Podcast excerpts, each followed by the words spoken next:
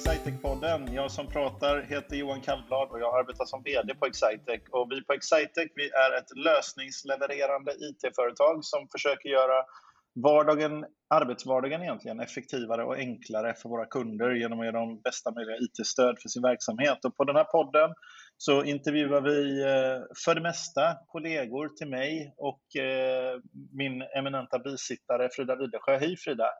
Hej Johan! Jag undrar hur, lång, hur länge jag ska kunna prata utan att introducera dig. Men jag tänkte, hur många är det vi, vad är det vi gör om vi inte introducerar, inte intervjuar eh, kollegor? Vad brukar vi göra då på den här podden?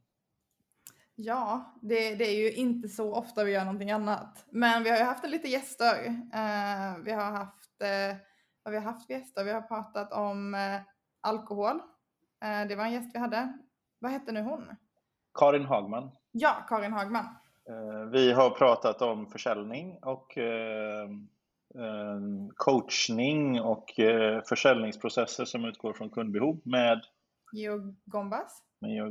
Ja. Mm. men jag tänkte framförallt har vi haft eh, boktipspoddar.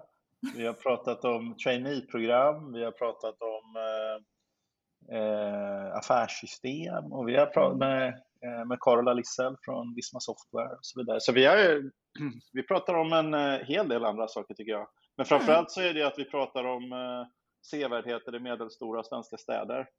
Sydsvenska städer. Det är väl det. Och det är mest jag. Precis.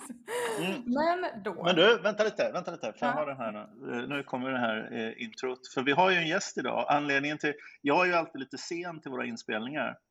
Och eh, den här gången så höll jag på och, och det är ju en trygghet för dig att veta att jag alltid är lite sen för då hinner du fixa med ljudet och sådär. Men den här gången så var det nästan, jag tänkte säga, jag måste ringa och varna Frida eh, att jag kommer vara i tid. Jag kanske till och med är tidig eh, till den här podden och då kommer du inte vara beredd så kommer det bli liksom obekvämt och obalanserat. Men så, så började jag googla efternamnet på, på våran, eh, eh på våran gäst här eh, faktiskt, utan förnamn. Eh, och då ska vi, säga, ska vi introducera vår gäst. Det tycker jag, det passar bra nu. Ja, han heter ju då Ludvig i förnamn och eh, hans efternamn är det av det faktiskt mycket prestigefyllda japanska klockmärket Seiko. Så Ludvig Seiko, yes. välkommen till Excitec-podden. Tack så mycket, kul att vara här. Ja. Eh, ska, ska vi prata lite klockor? Eller ja. Seiko liksom, har du någon berättelse där? Det är alltså ett eh, 100 år, mer än 100 år gammalt japanskt klockmärke som gör några av de mest väl, om man är klockintresserad. Vi, vi har åtminstone en på den här podden som är lite klockintresserad och det är då jag. Eh, jag vet inte hur det är med Ludvig, men alltså det, det är så här att Seiko tänker man ju att, eh, jag vet inte vad man tänker. Vad tänker du om Seiko som klockmärke, Frida? Tänker du något? Ja, men jag, jag har ju eh, lite koll på klockor och jag mm. tänker mm. att det är en eh, bra klocka. Eh, rätt så snygg. Ehm, och inte, den är en eh, rätt så eh, dyr klocka men inte den svindyraste klockan. Mm. Eh, jag skulle säga att det är en speciell sak med Seiko-klockan är att de gör sina egna urverk, vilket inte är så vanligt inte ens sådana här, jag, tror, jag, jag har inte vrålkoll, men typ Tag eh, Heuer eller Tagör eller vad de heter, så här, de, gör, de köper ju urverk som tillverkas av någon annan och stoppar i fint designade klockor. Men Seiko gör sina egna och det innebär att det finns alltså Seiko-klockor kan kosta, då är de i och för sig guld och sådär, men det kan kosta 250 000, en Grand Seiko i guld. Eh, men, och det är inte guldvärdet som är 250 000. Men det är, det är inte konstigt att betala 25 eller 50 000 kronor om man har deras prestigemärke, då, Grand Seiko, den linjen med mekaniska. Och det kanske är hälften eller en tredjedel av motsvarande eh, schweiziskt ur för en klocka som är av samma kvalitet och eh, samma sorts teknik. Så det, det var lite på Seiko där, men den som verkliga Seiko-experten tog ju vara Ludvig. Eh, ja, Ludvig. tyvärr är ju inte det, alltså inte just klockor. Och namnet kommer inte från Seiko, alltså klockmärket Seiko, tyvärr. Vilken besvikelse. Eh, ja, jag förstår det. Nej, eh, det är egentligen eh, från Ryssland som min då låtsasfarfar är från. Som när han flyttade till Sverige så försvann W på slutet i någon mm -hmm. handling någonstans. Så egentligen ska det vara Seikov. Ja. är det Seiko? Mm. Jag tror att grundaren till Se- klockmärket Seiko, det är också ett sånt där skapat namn som ska vara lätt att Ja. uttala, tror jag. Jag kan ha helt fel här, men jag tror inte att det var nog inte någon som hette Seiko där, eh, där heller, utan det var bara för att det lät som ett bra namn. Men eh, hur, hur vanligt är det att du får en sån här utläggning eh, när, du, när du presenterar vad du heter? Det händer procent? ganska ofta. Alltså, det händer inte Ja. så ofta, men en, en på tio kanske. Ja, Som men det är ändå tycker ganska... det är kul att kommentera lite. Så så, så, klockan, när, de, när man, efter man har stavat det. Liksom. Men det är ändå ganska bra för de flesta, du vet, eh, det är ju trots allt så att eh, två av tre ungefär, de hör ju inte vad du, när man introducerar sig, eller kanske ännu mer, 75 procent ungefär, de hör ju inte vad man säger överhuvudtaget för de är så koncentrerade på att säga sitt eget namn. Eh, Ja. Eller hur Frida, har du varit med om det någon gång? Att du har, du har hälsat på någon och sen har du kämpat så mycket med att säga Frida Widersjö att du har glömt bort att lyssna på vad de hette. Så inte ens direkt efter att de har satt sitt namn så vet du vad de heter. Ja, det- Ja, Nio av tio gånger. Ja, exakt. Så att, så att, Ludvig blir, att Ludvig får kommentar om sitt efternamn var tionde gång, det betyder att åtminstone att hälften av dem som, av dem som eh, hör vad han heter faktiskt eh, gör referensen. Mm. Ja, det är bra. Det var något. Det har inte Men jag tänkt på, men ja. välkommen eh, till podden då, Ludvig, efter den här långa, långa intron. Ja. Eh, hur är läget med dig idag? Det är bara bra. Uh, ser fram emot lite påskledighet Just efter det. imorgon. Mm. Eh, det rullar på. Det, är- det är dags för lite långledigt. Ja, Eh, men du, du är ju en av kollegorna i eh, konsultprogrammet. yes. Eh, så att, eh, det har väl varit igång, vad är det nu, det är ju tredje månaden. det har Jag satt och räknade på det här. Jag tror vi är på vecka 12 eller 13. Jag tror vi är på vecka 12. Hur, hur känns det nu då? Nej, men det känns bra. Det är kul. Man lär sig mer och mer. Mm. Och jag liksom jobbar mer och mer mot kund. Så det är superkul. Var håller du hus någonstans fysiskt? Jag sitter i Stockholm nu, Ja. eh, hemma hos mig. Så jag tillhör Stockholmkontoret. Eh, Flyttade dock från Örebro nu eh, i januari inför det här. Är det några människor som är på kontoret? Har du varit på kontoret i Stockholm? Ja, inte jättemycket nu på senaste som jag, alltså jag har varit, men vi brukar vara ja, kanske typ fem personer någonting. Mm. Det är extra få i, i Stockholm tror jag. Hur, hur, har du varit i Göteborg på länge Frida? På kontoret? Nej, inte sen eh, typ oktober. Är det sant? Inte Mm. sedan oktober? Oj. Mm. Jag, jag har ju suttit i hård karantän för att det var helt friskt till DME. Den Ah, moderna ekonomiavdelningen. Det var Ja. ju sån pressad situation va? vi skulle ju haft eh, den moderna ekonomiavdelningen nu, det här jättestora eventet som vi hade i förra veckan. Som, eh, som eh, lockade över 1400 anmälda. Eh, Mm. Eller hur? Där vi pratade om olika sätt att automatisera egentligen var temat. Automation var temat. Automatisera arbetet på en ekonomiavdelning. Men Ludvig, är du ekonom? Eh, nej, inte, inte alls faktiskt. Det, det Ja, ser man ju alltså- på att du har såna här, vi som ser, det är inte alla som ser, men du har ju med såna här gaming-hörlurar på dig eh, när vi pratar. Eh, det brukar inte ekonomer ha, de har såna här Apple eh, AirPods eh, normalt sett. Ja, nej det håller jag väl inte med om. Eller? Nej, jag bara, jag bara hittar på. vad, vad, är, vad, jobbar, vad har du för utbildningsbakgrund? Vad gjorde du i Örebro? Eh, jag pluggade systemvetenskap på Örebro universitet. Ja, en utvecklare kan man väl säga. Mm. Ja. Är det det du jobbar med på Excitec också? Utveckling? Yes. exakt. Så jag är inom eh, digitalisering. Mm. Och eh, hur var det du eh, kom in på Excitec-spåret då? Mm, det var nog via eh, en jag pluggade med där som, eh, när vi läste en kurs ihop så var han i eh, alltså intervju med er i den processen och, och sen fick jag en jobb där och talade gott om det eh, och fick mig att söka in till det här konsultprogrammet. Då. Eh, Men du låter mig. inte som, jag uppfattar det som att du inte kommer från Örebro från början. Eh, jo, Gör det? ja. Men du ska Norr- inte bli- prata gnäll, lite gnälligt och... Jag vet inte. Nej, det tycker jag inte.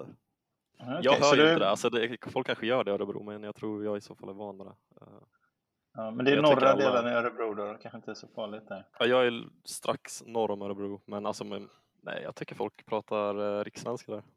Ja, man- gör gärna det från det stället man kommer ifrån. Men så född och uppvuxen i Örebro alltså? Yes. Vad är det innan du flyttade till, så nu har du flyttat till Stockholm?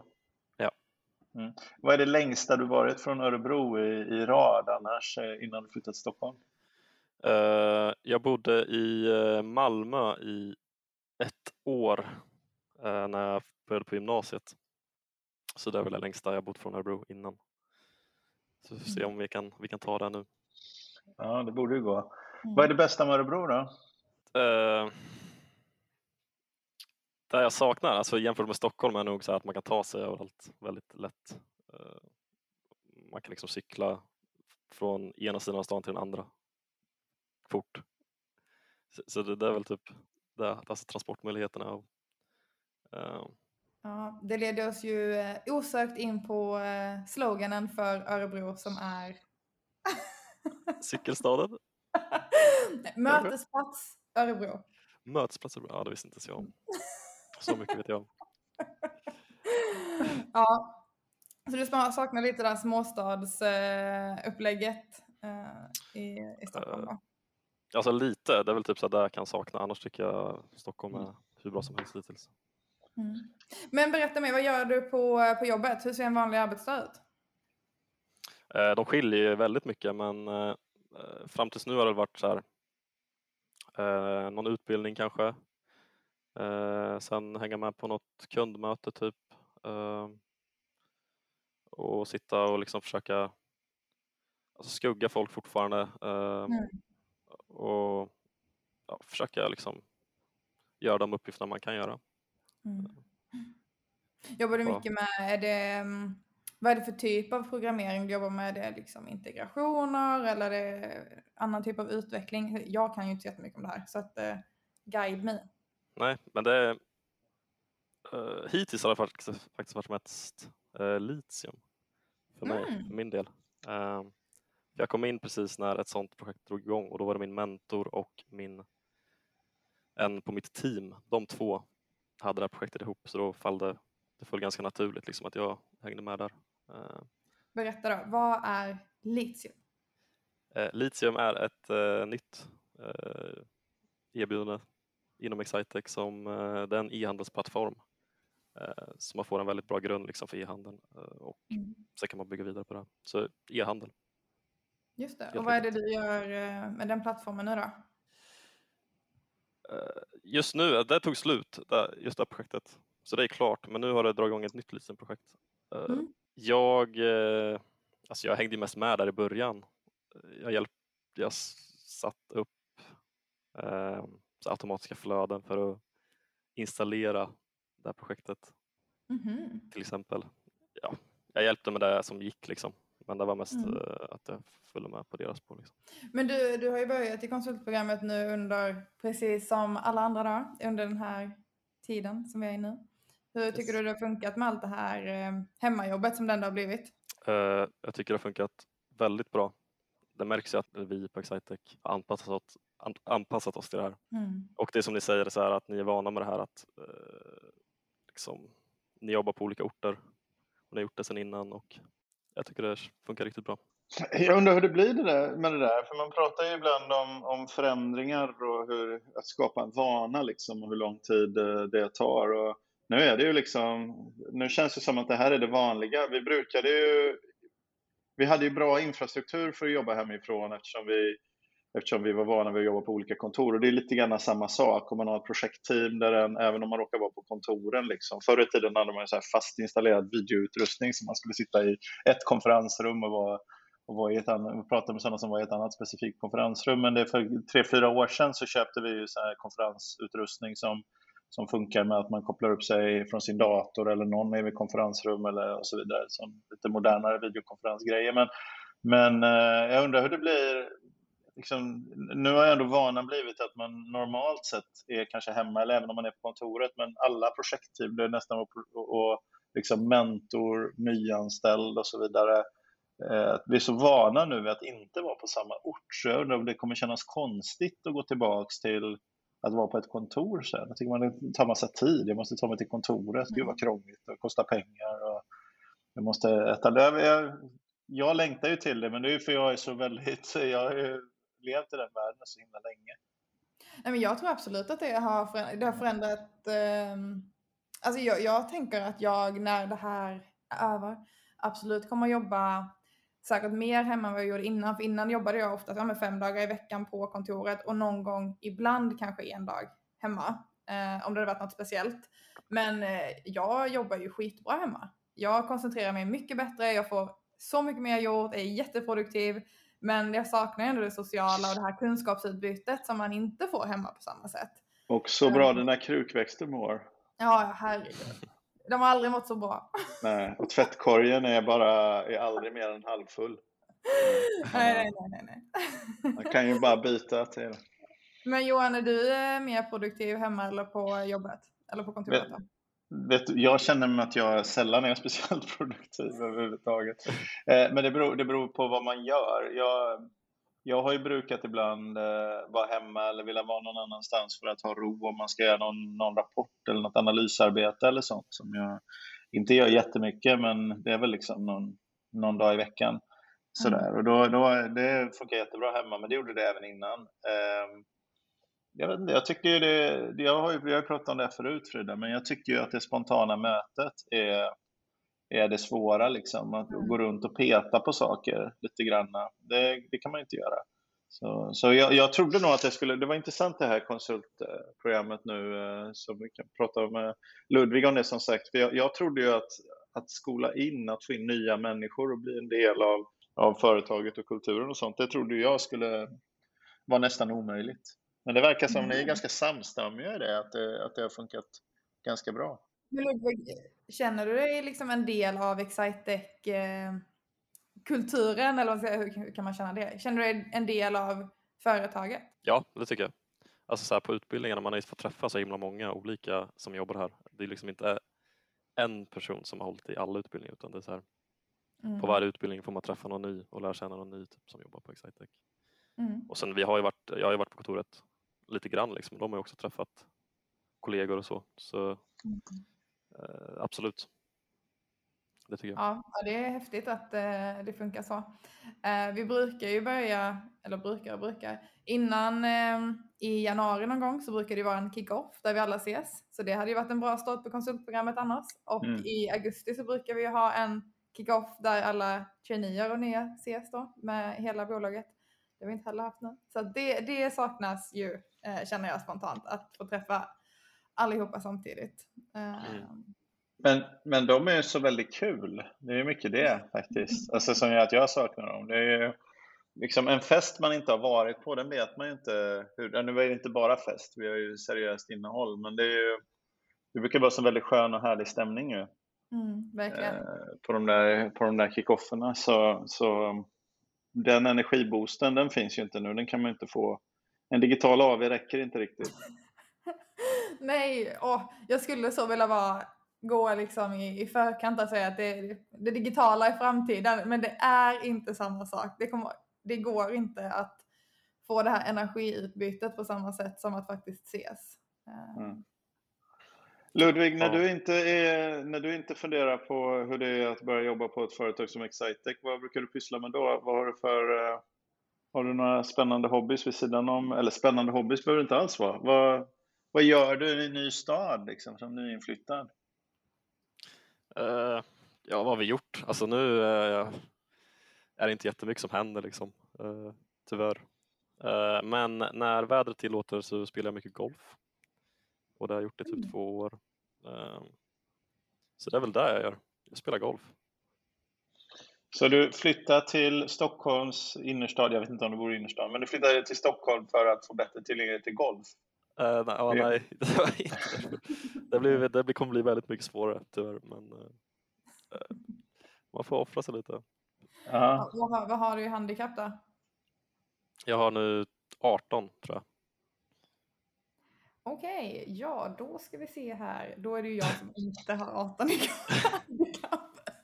Varför är alla så bra på golf och varför är alla så snabba på att sänka sitt handikapp? Johan, vad har du? Typ tre Nej, nej. Eh, jag har, eh, jag har nog också, jag, har, jag tror jag har 19 någonting nu. För jag, faktiskt, jag har varit ganska noga med att registrera, de gjorde om handikappsystemet här för något eh, år sedan mm. eller några år sedan och då, jag, då, då eh, börjar jag närma mig ett handikapp som jag kanske kan spela på. Jag skulle behöva 24 ungefär tror jag, då skulle jag kunna spela, eller 22 kanske, då kan jag spela på mitt handikapp. Men mitt stora egentliga handikapp i golf det är att jag har för dåligt temperament. Så att, eh, det har ingenting med de där siffrorna att göra. och det andra är att jag tror att jag någon gång har slagit, för jag har spelat väldigt länge, men inte med någon större. Jag har varit nere på lite lägre handikapp då, men nu, nu går det fort uppåt, Eh, vilket inte är bra. Eh, men eh, det är att jag minns de få bra slagen jag har slagit i mitt liv, så jag tror ofta att jag ska kunna göra dem igen. Så när det är 175 meter kvar över en sjö så tänker jag en gång så satte jag en järnfemma från det här avståndet och så försöker jag göra det så blir jag överraskad och besviken varje gång det inte går. Så man ska, jag tror man ska ju slå ett slag man kan slå, inte ett slag som man en gång har slagit. Det tror jag är grund. Så det är den mm. mentala sammansättningen är mitt stora problem i golf, eller mitt stora handikapp i golf. Det är inte golfhandikappet. Frida, vad är ditt problem? Ja. Det är, Eh, förvånad över mig själv. Jag spelar också golf då och jag, är, jag har nog rätt så mycket temperament, men inte i golf. Jag är så lugn. Så att, eh, ja, se. Man kan eh, vara olika där. Mm. ja. Hur, hur är du på golfbanan Ludvig? jag är nog, det beror på hur bra det går. men oftast går det sämre på något hål och då är det väldigt svårt att släppa det och då gör man sådana där grejer som att slå över en sjö eller eller oftast ner i sjön faktiskt. I, ja. huvudsak ner i, i huvudsak ner i sjön. Man blir lite girig liksom och, och, och, och, så blir det bara sämre. Och så blir man ännu mer sur. Mm. Eh, så det är mitt problem. ja, men det är en kul sport. Det är ju, det, jag tror att det är den enda sporten man kan spela tillsammans men ändå på sina egna villkor mot varandra men ändå mot sig själv. Mm. Det är inte så många andra sporter man eh, kan göra faktiskt. Så det är en bra grej. Mm. Men eh, vad var det som eh, lockade dig eh, mot just liksom, system och hela IT-svängen Ludvig? Uh, alltså jag har alltså alltid haft ett intresse för teknik. Uh, pysslar mycket med datorer och typ så här. Hade några stora högtalare typ när jag var liten och grejer. Uh. Så eh, på gymnasiet så började jag läsa teknik och eh, till andra året så fick man välja inriktning och då valde jag webbutveckling. Mm. Och det var då liksom jag insåg att ja, men det, här är, det här är kul. Riktigt kul. Mm. Det är så eh, rak bana. Ja. det är inga oklarheter i den bakgrunden. Nej. Där och då hade jag dock inga planer på att plugga vidare. Så det kom inte förrän två år senare kanske mm. som jag sökte mig in till universitet. Uh, ja. Så på den vägen är. Vad tycker du är det roligaste med att liksom jobba som konsult på det här sättet? Som konsult eller? Mm. Ja, det är väl att liksom hjälpa företag i, i sin, sina problem liksom och, och underlätta för dem att, de, att ge värde till dem. Liksom. Spelar det någon roll vad för dig vad, eh, vad men nu var det e-handelsprojekt som du har jobbat med, eller den här e-handelsprojekten, men om man jobbar med, med teknik, eh, spelar det någon roll vad slutgrejen blir eller, eller är det mer vad det är man eh, får använda för teknik och sånt? Vad är det som, som är roligast? Alltså det jag tycker är liksom det jag fastnar för i systemutveckling, alltså när man sitter och jobba på ett problem och det går eh, jättedåligt och sen till slut så har man löst det och så kan man så blir man jättenöjd helt plötsligt. Jag klappa sig på axeln liksom och bara fan, jag gjorde det här liksom. Grymt typ. Mm. Den liksom problemlösningsbiten typ. tycker jag är väldigt kul. Mm. Det är ju väldigt så instant reward när det kommer till, eh, till programmering. Ja. Har jag förstått. Ja, jag, inte alltid så instant. Ja, nej exakt. Nej, man kan sitta med något. från att inte funka till att funka väldigt så här definitivt. Ja, mm. man kan sitta med något jättelöjligt problem liksom en hel dag uh, och sen var det typ ett semikolon någonstans som liksom gjorde att mm. det tog en hel dag att lösa det. Typ. Så det kan vara sådana grejer. Men då är det instant reward. Ja, när man just har hittat semikolon. När man just har hittat det, ja. ja, exakt. Men eh, du Ludvig, jag eh, skrev ju till dig för långt över en timme sedan. Eh, Ja. Om det här segmentet Någon berättar om någon. Så nu är du stenförberedd på det här. Ja, jag förberedde ju. Jag tänkte att jag skulle prata om golf. Ah, Ja, det var ju tråkigt. Då får du ja. komma på något annat. Nej, vi får fortsätta prata om vi golf kan annars. prata om golf, vi kan prata om Jag något tycker det. specifikt. Varför började du din eh, golfkarriär? Ja, men det var lite där jag tänkte prata om så här, för om du hade frågat mig för tre år sedan om jag ville börja spela golf eh, så hade jag typ skrattat och sagt aldrig. eh, Mm. Typ. Men sen eh, hängde jag med några kompisar och testade liksom och eh, fastnade för det direkt och tyckte det var hur kul som helst. Och, ja, och förra året spelade vi ju, alltså vi snittade ju på alltså, tre, fyra runder, fem runder i veckan typ. Eh, typ över sommaren. Jag tror Frida, här någonstans har du förklaringen till varför en del går ner fortare i Ja, än vad exakt. du gjorde. Åh herregud. Ja, Så jag var det liksom, är väl så ja. Jag har nu spelat fem runder sedan jag tog grönt kort för två år sedan. Så att det kan ju vara förklaring. ja, precis, man måste ju spela liksom. Ja. Eh, men så jag vill slå ett slag för golf liksom och så här. För jag vet att det, det ofta är så här antingen tycker man om det eller inte, men de som liksom inte har provat tycker jag ska prova ändå och eh, ge det en chans. Precis, jag golf är föreslå- lite... Ja, Jag, måste golf bara är- säga en sak här, att vi kan inte låta det eh, pannet gå obemärkt. Så vi slår ett slag för golf. Det är ändå Ah. Så. Johan, nu kan du ställa din fråga. Nej, men jag tänkte på, jag tänkte på det här med golf. Det, jag, jag ville också bara lägga till att det finns, eh, det finns eh, människor som tycker om golf och tycker om att fascineras av golf och det finns människor som inte har provat. Mm. Som Mm. tror Ja. att de hatar det. Men det är, för det är en väldigt, väldigt, väldigt svår... Alltså den, hela den här diskussionen, är golf idrott? Det förekommer någon sån, något sånt eh, samtal också. Och det är, säga, är det en, liksom, en fysiskt krävande idrott om man nu gör det som sällskapsspel? Då är ju svaret nej, det är det ju inte. Liksom. Men, men eh, inte om man gör det som, som sällskapsspel. Men, men det är ju inte den viktiga frågan. Men jag menar, det är ju otroligt svårt.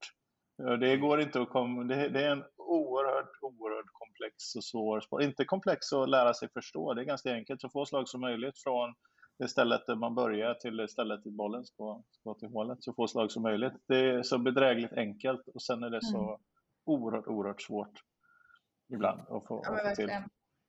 Det, så är det verkligen. Men alltså, det är, ofta är det inte fysiskt krävande i stunden, men det kan ju vara väldigt fysiskt krävande efteråt när man har ont i varenda kroppsdel för att man inte är van vid att slå. det var jag som får jätteont i ryggen eller? Ja. Ja, min rygg började göra ont typ på slutet Ja. av den här förra sommaren. Eh, Ja. Ja, det håller jag med om. Så fysiskt krävande, ja. På ryggen. Mm. Mm.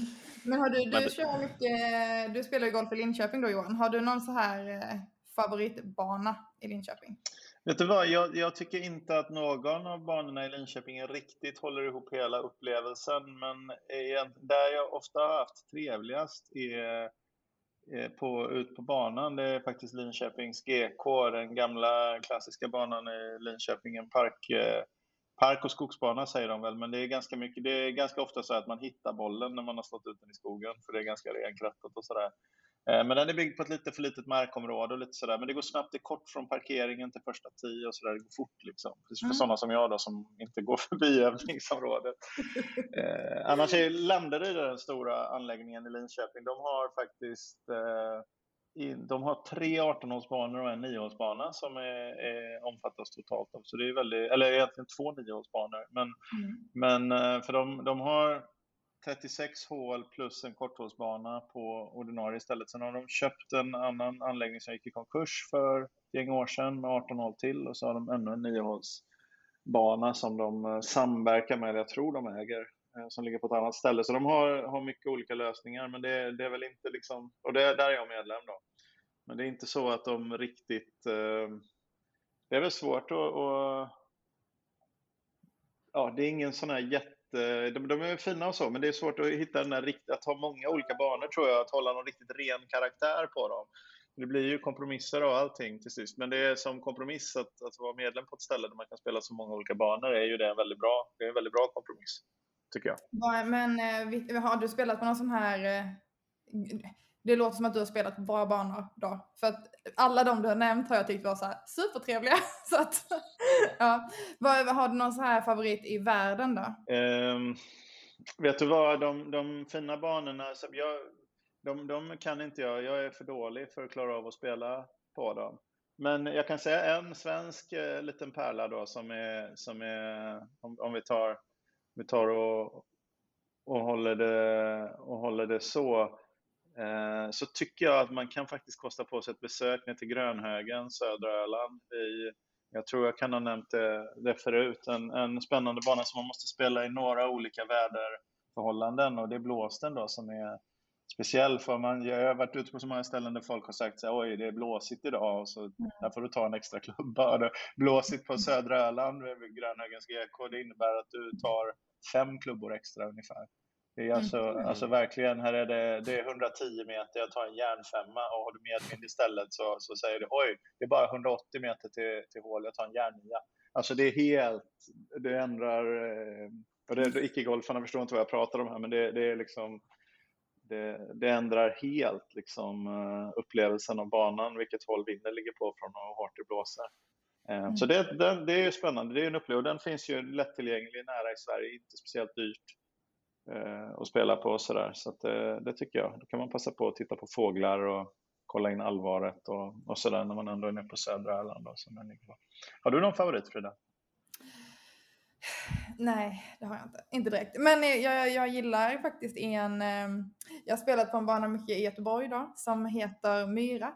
Som är en jättemysig liten eh, trevlig bana utanför Kungsbacka som är så prestigelös. Den är pay and play och jag kan vara precis så dålig som helst där. Så att, eh, jag, jag, tycker den är väldigt trevlig. Det är inte en jättefancy bana helt enkelt. Jag uppskattar det i det här läget. Ja. Jag trodde det var inte pay and play utan spray and pray brukar jag tänka. När jag... ja, nej. Men Ludvig, du då? Vad, har du någon sån här bana som är riktigt eh, din favorit? Uh, vi, vi, var ju på typ, vi var ju på golfresa i Halmstad förra sommaren och eh, på vägen hem då så eh, stannade vi på Isaberg. Eh, och den tyckte jag var riktigt häftig. Den mm. låg i typ, typ som i ett berg i en skog precis vid en sjö. Typ. Så jag tyckte det var, ja, det var väldigt fint där. Liksom. Och väldigt speciellt. Det var mycket backar liksom. Och det var svårt. Men det var väldigt fint mm, mm. och coolt. Men nu när du säger det, jag har faktiskt spelat på en bana uppe äh, på Bohuslänskusten på Skafta som är äh, där T är uppe på ett berg. Så man slår liksom av berget ner på green. Det, var väl, det mm. gjorde hela upplevelsen. Det var väldigt mm. kul att gå upp med golfbagen upp för berget. Så att, Sen var jag såld. Mm. Ja. ja, det finns faktiskt ett hål eh, just på den banan som är så. Det är typ så 110 meter långt och sen är det 50 meter ner. Typ. Oj. Det ska vara hål 17 ska vara så, tycker jag. Ett hål 17 ska vara så att du ser green och du ser allting och så, men så är det ändå svårt på något sätt. Det är en bra bandesign. Så ska hål 18 vara ett eh, sånt här risk-reward-hål där man kan eh, slå bort det man där man kan vara lockad och göra något fantastiskt och sen kan slå bort sig så in i bomben. Så, så. Men ett hål 17 ska vara ett par tre, ett kort par tre som är, som är med något sånt lömskt otäckt. Men det är många, tänk på det, det är många hål 17 som är så faktiskt. Eh, alltså jag har bara spelat niohålsbanor så att jag vet inte. Okay. Du har inte kommit till 17. Nej, men man brukar tappa humöret långt innan dess. Jag tycker det är så tillräckligt med nio hål. Jag förstår inte viljan att gå fler hål. Men mm. absolut. Mm. Ja, det är riktigt i och för sig. Vad, vad, Ludvig, vad är styrkorna i ditt spel då? Vad är det som du gör, eh, vad är det som du gör bra? Vi har redan pratat om det vi gör dåligt. Eh, förutom, förutom Frida då som lugnet själv. Förutom att hon tröttnar efter nio hål, det är hennes svaghet. ja. Eh. Jag vet inte, alltså jag är nog eh, minst dålig i alla fall på eh, kortspelet och typ puttningen. Oh, wow. Eh, ja. Tror jag. Driver, alltså kan jag inte. Jag har inte typ orkat lära mig det. Så jag drivar in, ingenting. Jag ska, nu ska jag göra det såklart men den här säsongen. Men Alltså, gud. jag drivade typ aldrig hela förra året. Men det kommer fördärva ditt spel ordentligt när du får smak för den. Ja, Alltså, eh, ja, det är många som säger så och jag gör ju helt tvärtom. Jag använder ju driven på varje hål oavsett hur Mm. kort det är. För att eh, det är den klubben jag kommer längst med. Men jag det, skjuter väldigt kort och väldigt rakt. Det är för att du inte slår tillräckligt hårt. Ja, men så fort jag tar i och slår hårt så blir det snett. Så jag slår hellre mjuka, lugna, raka slag och så blir det lite Mm. mer kontroll i det. Mm. Jag har fått igång ett litet budkrig om min gamla, gamla driver. Jag har en eh, jättehärlig, eh, eh, kommer, om ni kommer ihåg Richie Fowler, den golfaren. Jag har en Richie Fowler Special Edition orange. Skaftet är orange, klubbhuvudet är orange och den är 7,5 grader, stiftskaft då naturligtvis. Och, och sådär extra som man kan slå väldigt, väldigt långt. Och jag har aldrig, jag vet inte om jag har slått ett enda bra slag med den driven sen jag köpt, sen jag provade ut den då. Och köpte, men den var så väldigt snygg, orange och fin och jag tror jag slog bra när jag provade ut den, men det gjorde jag nog inte. Men den har jag i alla fall och jag har fått igång ett litet budkrig mellan två kompisar som båda vill ha den. För att de påstår båda två att de slår mycket bättre med den än vad de gör med sina egna med sina egna drivers. Och nu har en, en kompis tagit den. Han har haft den så länge nu så att han, så han tog den kanske i augusti och sen i september så ville en annan kille fråga om han, kunde, han skulle åka på golfresa och fråga om han kunde få, få ta den med sig. Liksom. Och då hade Jocke ville inte lämna den och Oskar hette den andra killen. Så, de, de, eh, så jag liksom triggar ett litet budkrig här på vem som, på vem som eh, bjuder Du får mest spä för min... på det liksom att du Jag tar det på podden ta här. Någon som vill ha en, en orange Richie Fowler, en Cobra är det. Cobra Up eh, Richie Fowler Special Edition. Tio år gammal kanske, eh, någonting i den stilen. Eh, helorange var han klädd idag. Om det är någon här på podden som känner att den där, den vill jag betala lite, lite extra för. Då kan vi, eh, då kan vi ha en bytesaffär här på gång. Ja, just det. Ja, det kommer att rulla in massa heta offers här nu. Tänk, jag hoppas lite på det. Ja, Googla det tack. där. Googla det. Jag tror att den... Eh, jag vet inte om eh, Richie Fowler i och för sig, han, jo men han är väl bra, men inte kanske riktigt så bra som man trodde för tio år sedan att han skulle kunna bli. Mm. Eh, Mm. ja nej. Får man med en sån orange Puma-dress också till driven? Eller? Ja, det vore ju faktiskt fantastiskt. Men nej, det har jag faktiskt inte. Okej, Eh, faktiskt inte. Eh, Ja, så eh, programmering, golf och Stockholm, det är vad vi tar med oss eh, härifrån, tänker jag. Johan, hur gör man om man eh, tycker det känns superintressant att eh, jobba med Excitec och kanske få möjligheten att eh, få lite programmeringshjälp av Ludvig? Om man vill eh, ha Ludvig som ska hjälpa en om man inte tänker inte som anställd då, utan man tänker man vill ha stöd av Excitec, då går man bara in på www.excitec.se och eh, tittar på vad vi gör.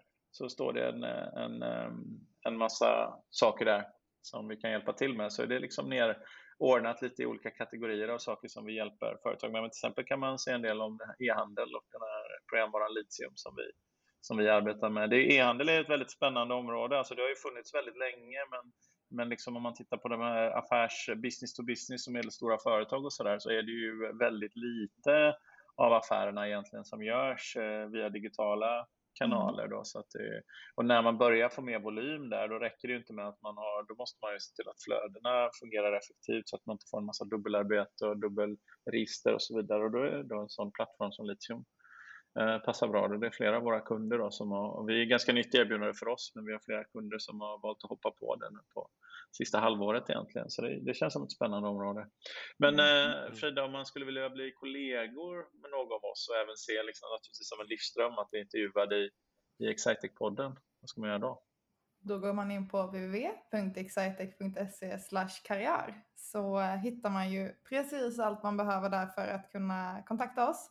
Tack så jättemycket till dig Ludvig för att du var med i podden Eh, och eh, Tack tack så mycket till er som lyssnade. Så hörs vi igen.